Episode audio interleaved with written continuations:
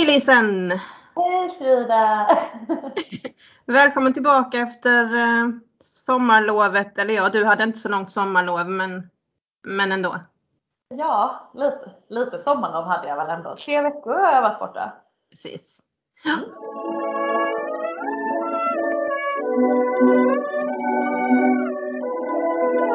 Men nu är det mer höst. Eh, Ja, väldigt mycket höstkänsla. Och Ehm, är sugna på att prata böcker. Mm. ja, precis. Jag tänkte bara säga att, det var, att vi är på nummer 18. Avsnitt Ja, 18. precis. Det av- vet jag faktiskt att vi är också denna gången. Eh, spännande. Myndig, myndig podd. Verkligen. Jag känner att vi har en helt annan eh, kraft bakom det vi säger nu, vilket känns jättehemskt. För jag, eh, känner mig in, jag, känner in, jag känner att jag har tagit på mig alldeles för stora byxor det här avsnittet. Okej, vi får se var det landar. Ja. Vad, har du, eh, vi ror i land. Vad sa du? vad har du läst i sommar? Alltså jag har, jag tror inte jag har pratat om detta i podden, men jag hade liksom som en ambition eh, när det blev 2021 att jag skulle läsa mindre. Mm. Eh, kanske man inte ska säga i en eh, litteraturpodd, men eh, det hade jag. Eh, men det har inte gått så bra. Jag har läst jättemycket. Jag tänkte precis säga att om man vet hur mycket du läser så är det kanske hälsosamt att dra ner på den. Ja. Precis. Ja, så jag hade kanske kunnat läsa ännu mer. Eh, men, nej, men jag har läst mycket bra i sommar. Eh, det verkar som ett tema tyckte jag ett tag var liksom kvinnohistoria på olika sätt. Mm. Eh, men också en hel del eh, feelgood. Ganska mycket feelgood faktiskt. ja, men då följer du ju ett ganska intrampat spår hos. Kvinnohistoria och frihet. Men jag, vill du säga något eh, liksom om så här, övergripande vad du har läst? Ja, nej men alltså övergripande har jag läst en bok. Ja? Ja. Jag hamnade i klassikerträsket. Ja, Som jag tror är en vanlig sommarfälla liksom. precis. Mm. Men jag tänkte då kanske att jag kan börja med en som jag läste ut alltså på lunchen idag. Eh, Jag ville ha läst ut den till eh, vi skulle prata. Ja, jag förstår. Berätta. Trion av Mm. Johanna Hedman, en debut som Mm. det har skrivits jättemycket om och jag har tyvärr läst en del av det det har skrivits om den här boken. Mm. Eh, har du hört talas om den? Ja, gud ja. Det började ju med att den var otroligt hypad. Precis. Ehm, Det känns som att eh, förlaget har verkligen pushat för den här. In den som den nya Sally Rooney till eh, Ja, olika länder och så. precis. Det skulle väl också vara den nya samlade verk. Exakt. Eh, Fick man ju i alla fall intrycket av. Men sen så efter att den har kommit ut så känns det som att den har fått lite mera delat mottagande. Mm. Men eh, du var väl väldigt positiv till den här? Mm, I alla fall när jag började. Eh, var jag det. Eh, jag kan ju bara säga liksom vad den handlar om då för de som inte har läst om den så är den eh, utspelar sig i tre tidsplan och först börjar den typ 2040 Mhm. som en inledning liksom och sen eh, merparten av boken utspelar sig cirka 2010 däromkring. Men det beskrivs liksom, och det är ju nästan nutid. Eh, alltså man kan inte riktigt säga när den utspelar sig. Det, det känns liksom, den känns tidlös. Men vad som är lite speciellt, som jag tyckte var speciellt med den här boken var att det kändes, det kändes så konstigt att läsa om nutiden fast som dåtid. För så beskrivs det liksom. Som att det är förr i tiden. Eh, 2010 är ju lite då. jag vet, men alltså det är inte säkert det är 2010. Men det är liksom... Eh, Ja. ja, men de har, de har liksom eh, lyssnat på poddar och alltså det är väldigt samtida. Det går inte att säga exakt när det är. Men eh, och sen sista delen är 2018 gissar jag för att det är sån här otroligt varm sommar och man börjar prata om miljöförstöring och så. Så att jag tror det var 2018. Eller var det 2017? Nej, 2018 var det väl. Det var så otroligt Ja. Eh, ja, och sen är det då eh, tre personer som man får följa. Hugo, August och Tora. Där Tora kommer från en sån här extrem... Eh, hon kommer från pengar. Mm. Eh, hon tillhör Stiller släkten som är en liksom väldigt rik släkt som äger fastigheter och liksom eh, har makt. Mm. Det, verk, det, kommer också ut en bok som kritiskt granskar Stillerkoncernen. Eh, och jag fattar det som att de håller på att handla med vapen. Eh, inte etiskt eh, bra grejer i alla fall, gör de. Som hon måste, sådär, Tora måste förhålla sig till, försvara på något sätt. Alltså hon, hon lever ju sitt liv tack vare de här pengarna. Ja.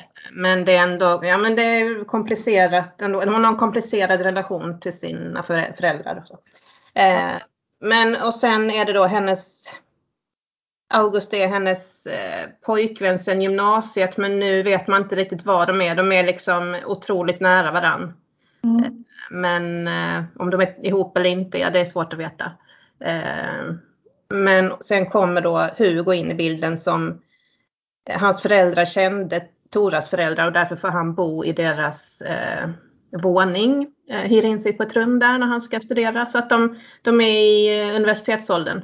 Eh, mm. Läser olika saker där. Så det är mycket universitet, det är liksom ja, men den innehåller massa av de här delarna som man älskar, som jag älskar. Eh, som, som började med den hemliga historien, ja du vet hela den här mm. Eh, estetiska eh, allt det estetiska som kommer till det. Eh, men... Vad läser de på universitetet? De läser litteratur, mänskliga rättigheter, juridik och sen så August är konstnär. Mm. Mm. Det låter ju, alltså utifrån sett så låter det ju väldigt likt samlade verk av Lydia. Alltså i början störde jag ju mig på det för att det kändes som att det var en upprepning.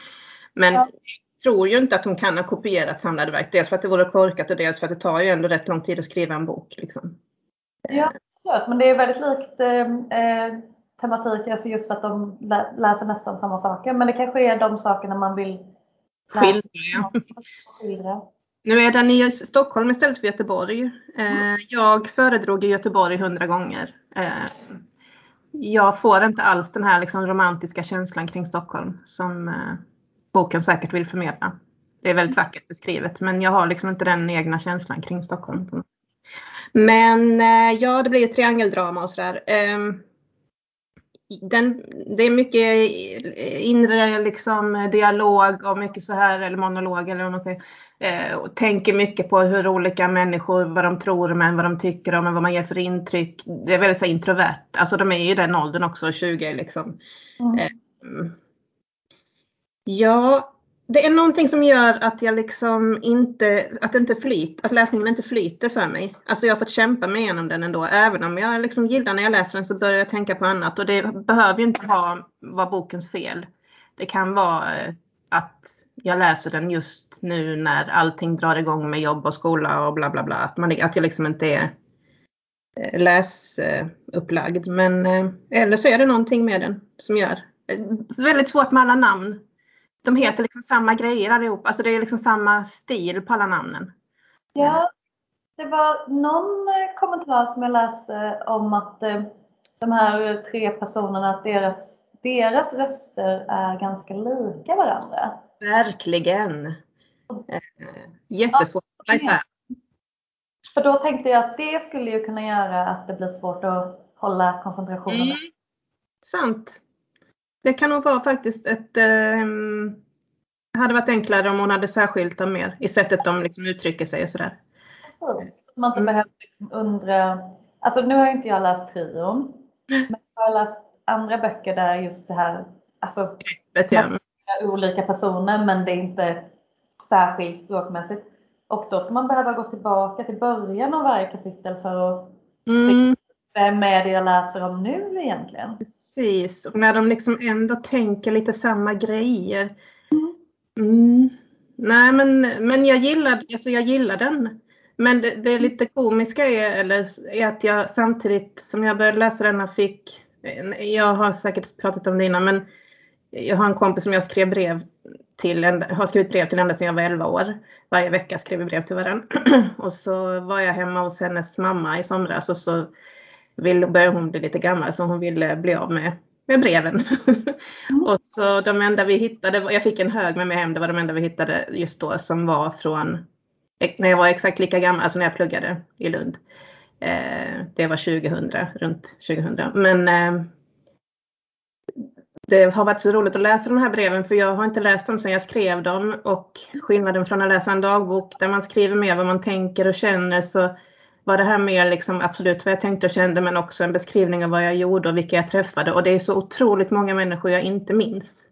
Mm. Eh, och så många liksom eh, händelser jag inte minns heller. Eh, men det var ju väldigt, väldigt betydelsefullt då. Eh, och jag tänker på det när jag läser den här boken för det här är också, det är liksom ett år i deras liv som ju får jättestora följder för dem. Men hur det kan vara så otroligt betydelsefullt vid den tidpunkten. Men sen kommer annat liksom, som gör att man eh, glömmer. Vad jag tyckte var lite roligt var att jag tyckte det var mer underhållande att läsa mina egna brev än att läsa trean.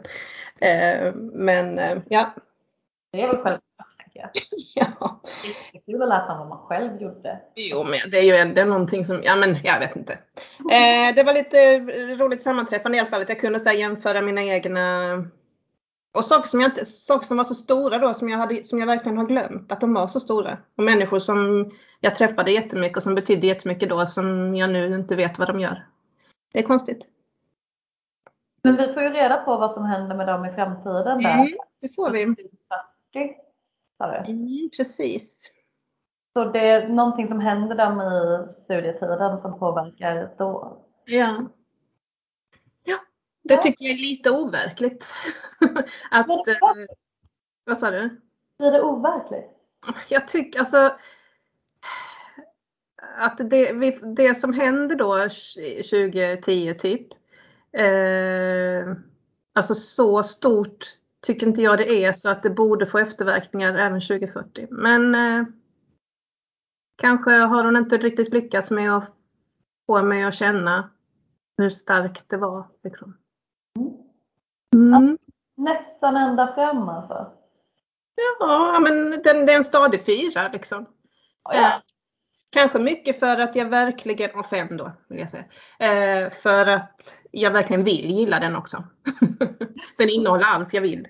Eh, som jag brukar gilla. Så att jag, jag kämpar rätt hårt för att älska det också. Tror jag.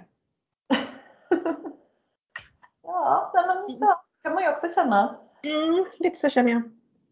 Men okej, okay. eh, vi kan gå vidare till din eh, klassiker. Min läsupplevelse? Mm. Ja.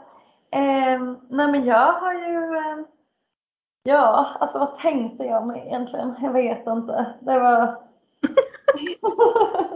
Nej, men jag lånade ju hem första delen av eh, På spaning efter den tid som flytt. Alltså detta verkar vara en trend, ursäkta mig. Jag vet. Jag vet. Tillbaka på den trenden Frida. Jag vet, du är den tredje jag hör. Som, ja, ja mm, kör. Så, så, det gjorde jag och jag eh, kände väl ganska tidigt att eh, de, här, de här skorna blir svåra att fylla. Mm. Mm.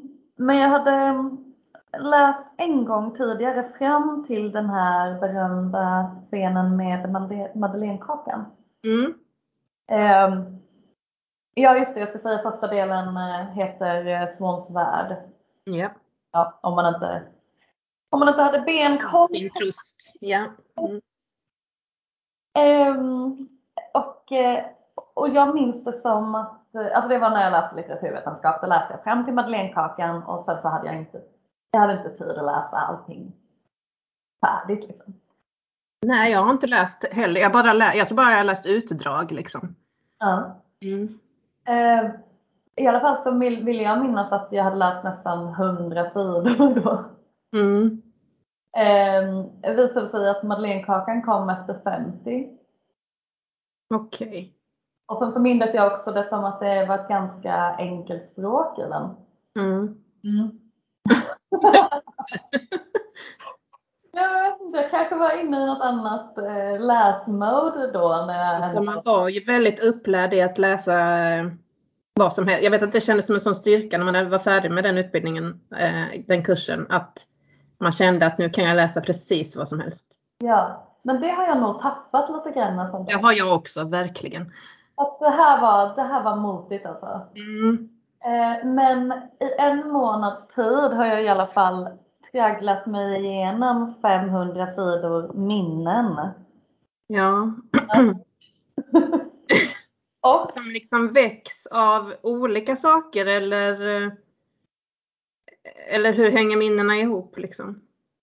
Nej men alltså, jag börjar i, i första delen så, eh, eh, så har han liksom egentligen inte så många minnen kvar av sina barndomssomrar i en liten by Mm. eh, i Frankrike.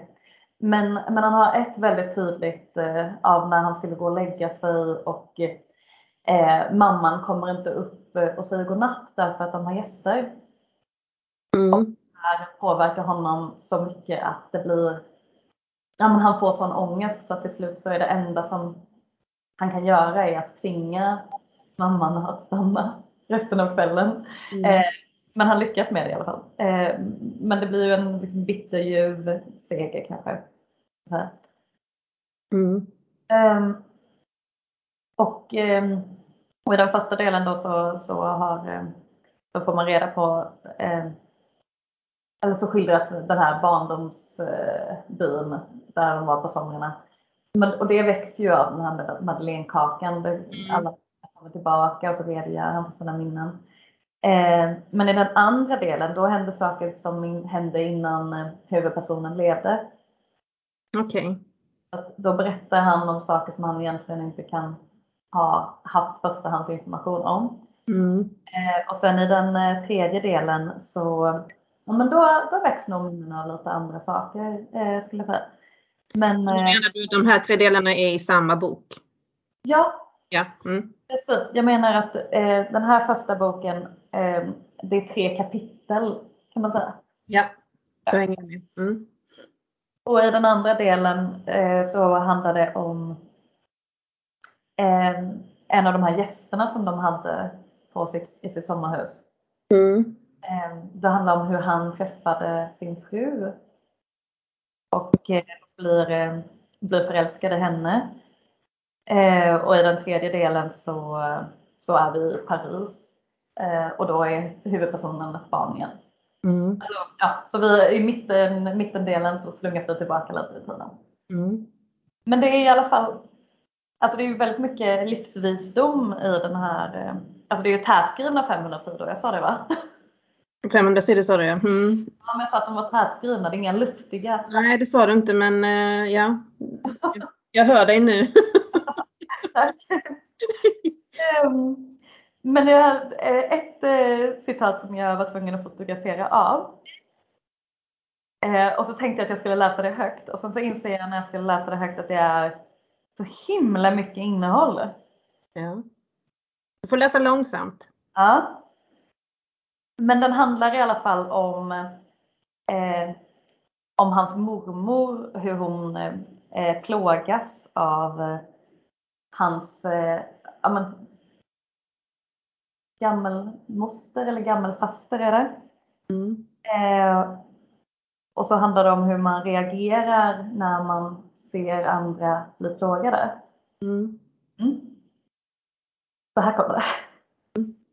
Den smärta min granntant åsamkade henne, åsynen av min mormors fåfänga böner och hennes på förhand dömda försök att ta ifrån min morfar glaset.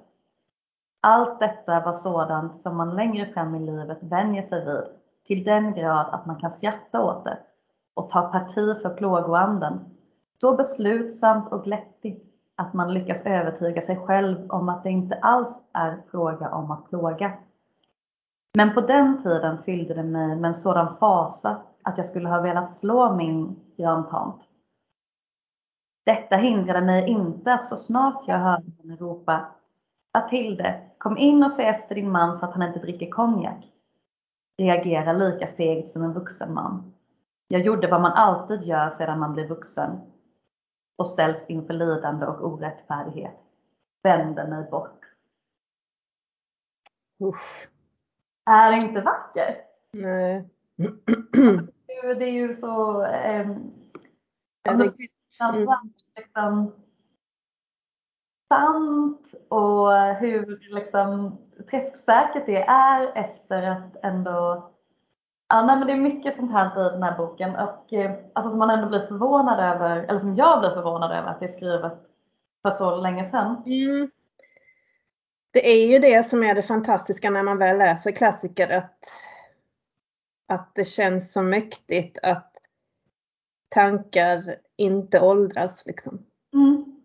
Jag berättade ju också att mittendelen handlar om eh, den här Charles Swan, hur han träffar eh, den här kvinnan som han senare gifter sig med. Mm.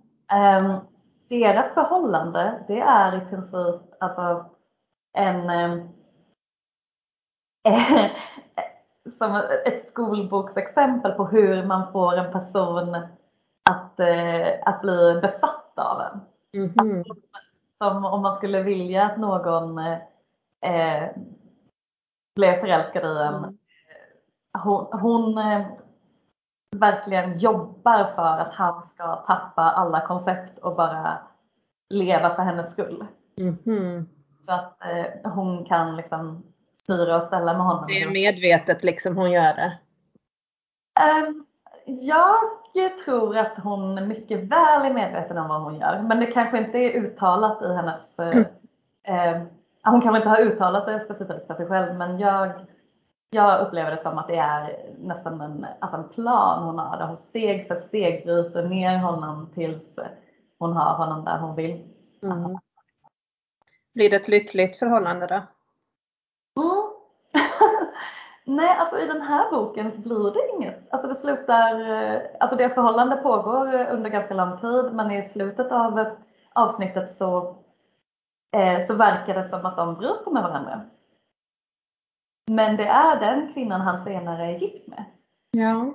Så att någonting har ju hänt där som gör att de ändå eh, eh, hamnar tillsammans. Men eh, jag jag sökte lite på boken innan vi skulle prata om den och eh, så såg jag att eh, eh, P1 hade gjort ett program om den mest lästa delen i På spaning efter den tid som flytt. Så, mm. så jag kanske får, ja. Mm. Vilken var det då? Nu då att det här är första delen av sju. Ska jag viga mina sex kommande somrar åt att läsa resterande delar eller ska jag bara tillbaka. att du har läst den första. Alltså, du, mm, mm. Jag tycker bara att du ska fortsätta om du fann så pass mycket glädje i det att du liksom inte kan låta bli. Mm. Jag tror jag att jag kanske får sälla mig till den eh, skara som bara läser den första delen. Men tänk att du ändå är en, en av dem. Jag vet, det är ju ändå en klubb man vill tillhöra va? Mm. Vi som orkade läsa del 1.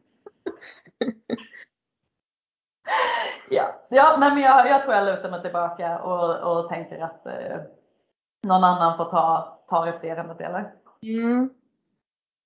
Men jag kan, jag kan hoppa in med en bok till här då som också handlar om ja, men kärlek liksom. Eh, som inte är väl på det viset som du eh, beskriver här utan jag märkte nu bara när jag tog upp den att den hörde ju mer ihop med min förra trion faktiskt. Väldigt mycket hörde den ihop med den. Men som heter Tour de Chambre av eh, Tine Hög, Höj, dansk.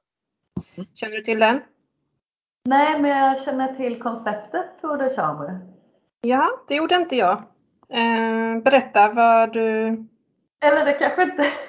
ja, men säg vad det är, för jag, jag trodde det var något hon hade hittat på, nämligen till den här boken. Men vad, vad, vad tänker du att det är? Eh, för eh, det som jag känner till som Tode Chambre, det var att när vi bodde i studentkorridorer och när vi pluggade så hade man eh, en slags fest som innebar att man gick från varje rum i korridoren och så, så, så att man fick liksom öppna upp sitt rum för alla de man bodde med.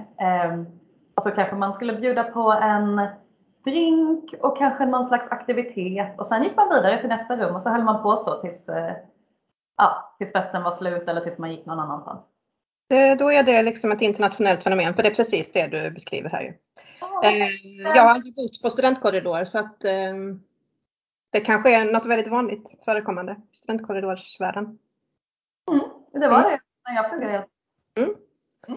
Mm. Eh, nej men när jag läste den här boken så var det också en liksom, det är som en madeleinekaka för mig. Det var väl en väldigt bra övergång alltså. Mm. Eh, att eh, det väcks ju otroligt mycket minnen från student, till studenttiden när jag läste den här. Eh, för de, det handlar ju om en korridor då där det bor eh, tre eller två bästa vänner och sen så bästa vännens eh, pojkvän. Ja, men han hette också August, gud vad konstigt. Väldigt Eh, många. Vad sa du? Det var väldigt många beröringspunkter. Ja, det var väldigt mycket och eh, ja. Eh, eh, Asta då eh, och August och Maj heter de och eh, Maj och August är ihop. Men ja, Asta och August har ju något de också. Eh, men den här hoppar också fram i tiden och bak i tiden. Eh, August har dött. Men gud, det gjorde han ju den andra boken med. Alltså det här är ju komiskt. Sa du inte. Nej det sa jag inte men det får man veta liksom precis i inledningen så att det är inget jag eh, Ja, spoilar. Men gud vad konstigt. ja. Mm. Eh, nej men och nu Asta, de har fått, det ska vara en, eh, det är tio år sedan han dog så nu ska de ha någon slags sån här minnesstund på korridoren. Som de har blivit inbjudna till. Eh, men man får också följa Asta som är en författare. Hon ska skriva på sin andra roman som handlar om en polsk, en roman om en polsk en konstnär som gör skulpturer av eh, cement. Eh, men hon går också på Tinder-dejter och jag tänkte jag skulle läsa lite för jag tyckte det var väldigt roligt. Ehm, hon är nu och väntar på en kille. Eh, han kommer för sent. Ehm, vi har träffats på Tinder. Han är dokumentärfilmare. Hellre skugga än sol. Hellre Burroughs än hela Danmark bakar. Och jag har läst fler böcker än de flesta, hade han skrivit i sin profiltext. Förfärligt. Men så var det ett foto när han skelade lite på ena ögat. Unge man. Jörn kommer fram och pekar på honom med sin öl och jag njuter. För dokumentärfilmaren är 43 och frånskild med två barn. Du är verkligen ohyfsad. Dokumentärfilmaren ser förvirrad ut. Man låter inte en sån här godbit sitta och vänta på en. Jag skrattar högt och känner mig plötsligt helt oemotståndlig. Saftig och mör. Jag glider ner från bänken och får lust att lägga i en växel, skruva upp volymen, alla mina känslor, kyssa honom, köpa en shotsbricka, få, någon att stråla, få något att stråla. Men senare, efter några timmars trögt snack, när jag frågat och frågat och han har vandrat med blicken när jag själv sagt något och liksom fokuserat på en punkt bakom mig.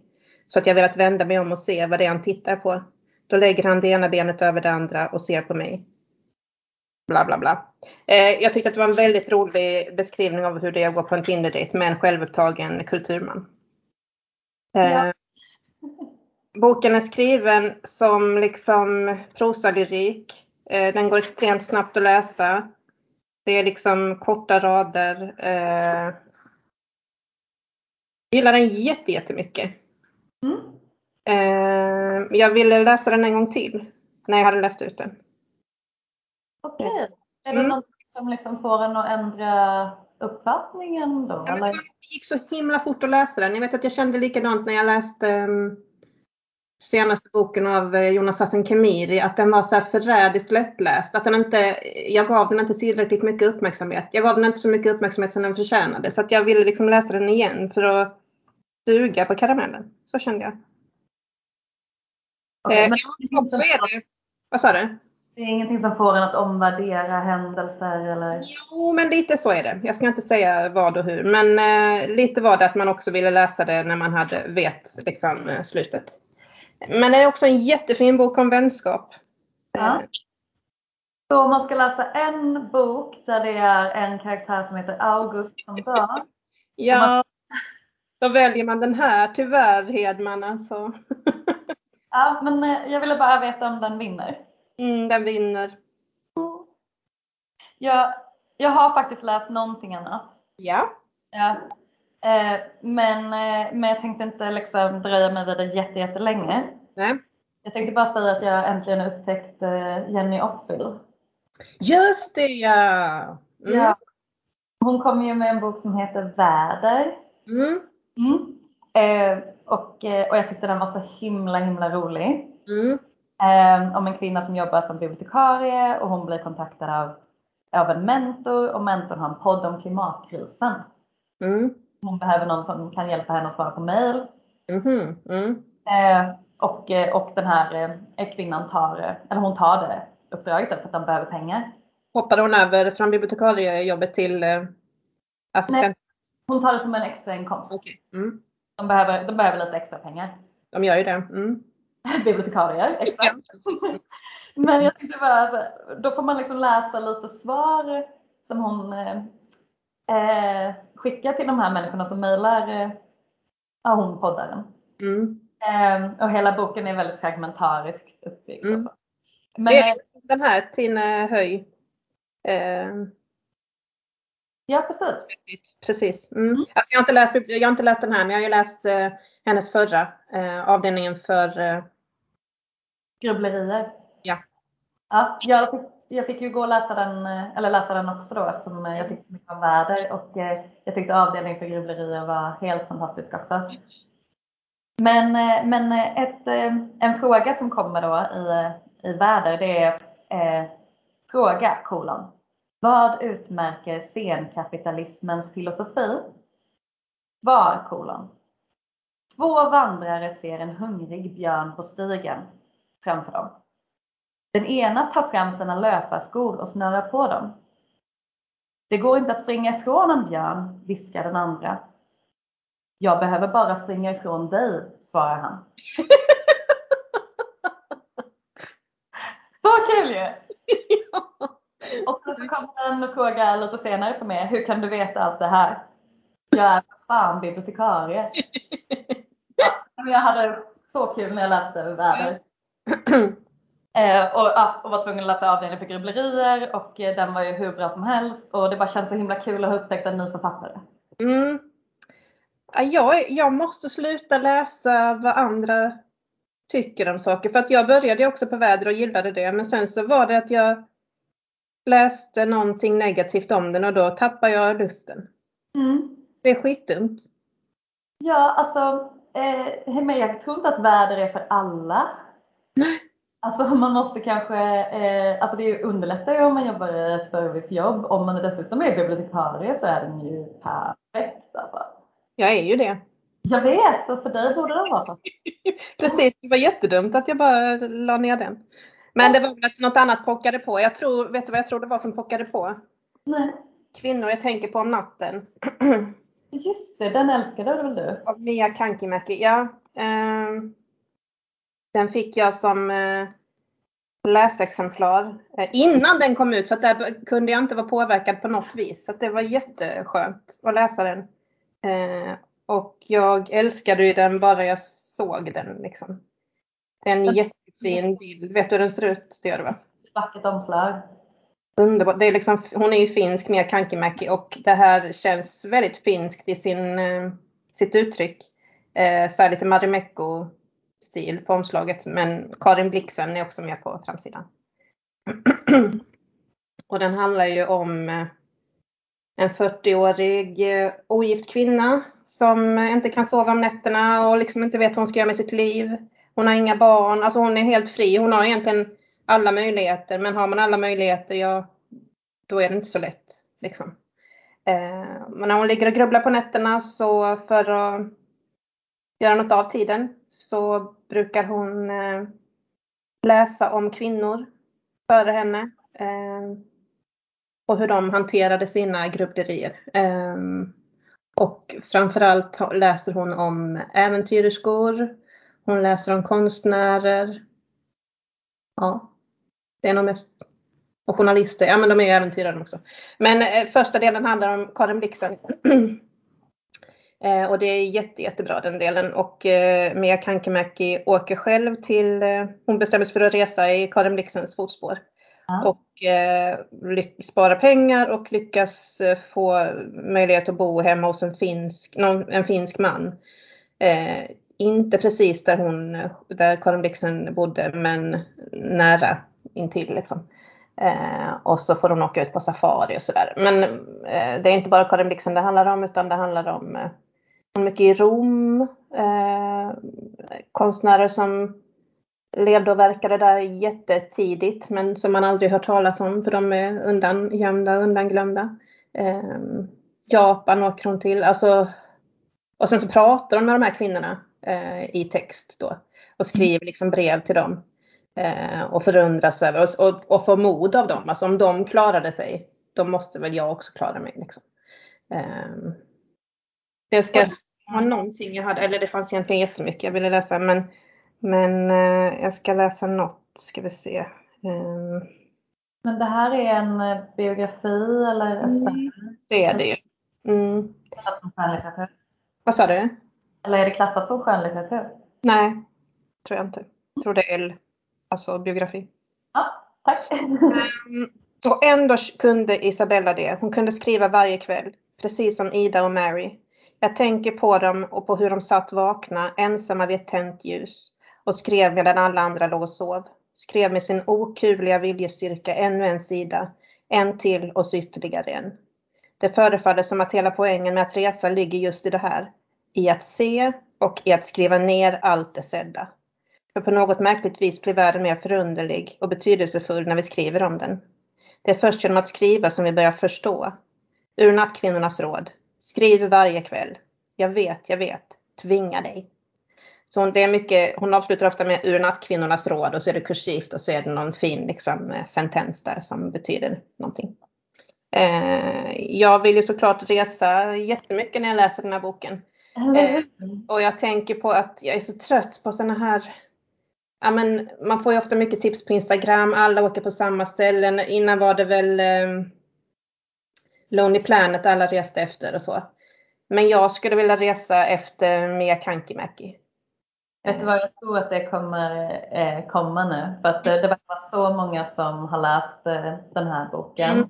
De är jättesugna på att eh, resa i samma fotspår som hon redan. Och sen med tanke på att alla är så himla himla taggade på att komma resa. Och det är det jag känner att man måste ju välja sina resor nu. Och om mm. jag bara får välja en resa till, då vill jag resa till Japan. Men kan vi inte ta tåget till Japan då? Jo, precis. Man kan ju det.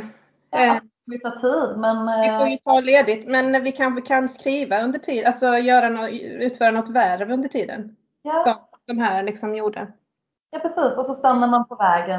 Ja, precis. Och jag tror det kan vara, jag tror inte alls att det, du bara behöver välja en. Nej, okej, okay. om man kan vara ledig länge, ja då, eller ledig, om man lyckas försörja sig på något sätt under tiden. ja, alltså du får ju inte ta mer än fem veckor, vi har ju bara fem veckors semester. Ja, ja men det är det jag menar, eller så får vi liksom ta tjänstledigt och utöva någonting som vi får pengar för under tiden. Ja, just det. Beskriver eh, boken eh, Bibliotekarier på... Um, nej men det här får vi fundera på alltså. Inom dagen för oss som inte orkar vara uppe så sent. Precis. för oss som somnar i soffan klockan 10. Exakt. Eh, vad som var lite synd med den här, jag har ju börjat följa den här kvinnan då på eh, Instagram. Hon skriver där att i vissa av upplagorna, bland annat den svenska då, så är det inga bilder med.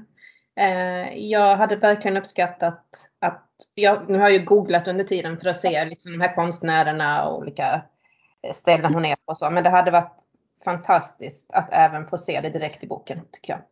Ja men verkligen, gud ja. Så jag förstår inte varför, om det är av upphovsrättsliga skäl eller vad det beror på. Som mm. det inte är med i den svenska. Men, eh. men ja, nej, så jag blev så otroligt upprymd och uppfylld och glad och lycklig av den här boken. Det kändes som den talade exakt till mig. Det känns som att du blev inspirerad också. Ja, verkligen. Gud vad underbart. Det är inte så ofta man blir det. Nej, nu ska, nu ska jag låna ut den till alla som vill. Ja. Den är så här härligt sliten för den är inte plastad heller och jag har liksom burit den med mig överallt så den ser verkligen så ut som den har varit med på en lång, lång resa. Fint. Vad härligt. Ha. Ja. Um, har du något? Nu ska vi ju läsa båda två um, Kärlek i kolernas tid. Mm, jag tänkte på den när du sa bilder. Mm. Eh, för jag hade, ja, jag hade kunnat se den illustrerad också. Alltså det är så vackra bilder som Gabriel. Mycket vackra, mycket vackra miljöer alltså. Ja, så vackra. Det här huset de bor i med eh, ja. Mm. Ja, ja. Mycket vackra färger tänker jag mig. Um. Gud ja, så färgstark. Så... Men jag tänker också på när du berättar om eh, Proust, att det kändes lite som Nu har jag inte läst så mycket än i den här boken då, men språket är väldigt vindlande. Alltså det känns... Eh, jag fick den känslan när du berättade om Proust. Mm. Ja, alltså jag skulle säga att eh, Gabriel Garcia Marquez har ett mer färg, alltså för, eller för mig, mm. Vara eh, översättningen faktiskt. Den här är ju översatt eh, på nytt väl? Den Just det. Mm. Ja, det är, är det. Ja, jag vet det. Nej, det är det inte. är det en gammal översättning? Nej, jag, jag, skulle säga att jag trodde det var Lina Wolf, men det var det inte för att det är Peter Landelius som översatt den, står det. Ja, Okej, okay. ah, ja. Men eh, hur som helst så, så eh, jag älskar det så mycket. Eh, och det är kul att jag får eh, bo kvar i klassikerträsket ett eh, litet tag till. Jag trodde den var äldre. Men den är från 80-talet. Den är skriven på 80-talet. Mm. Det trodde inte jag. Nej, 85 står det. Eh, ja, nej men eh, tidlös bok där med Eller hur? Alltså för jag, det kändes som att den var skriven för hundra år sedan tyckte jag. När jag började läsa den. Det kan man ju tycka låter lite negativt. Nej, men alltså jag hade den ingången. Nej, det vet jag inte alls. Som jag, precis som vi sa så kan ju just klassiker vara liksom, det kan ju snarare vara en, en eh, faktor som är positiv tycker jag. Att, att det kan kännas så modernt fast det är gammalt. Men eh, ja. Eh, det är det jag ska läsa helt enkelt till den är slut. Det är det. Så um, har vi något mer eller ska vi säga? Nej, vi säger bye bye nu. Okej, okay. hej då! Ha så bra!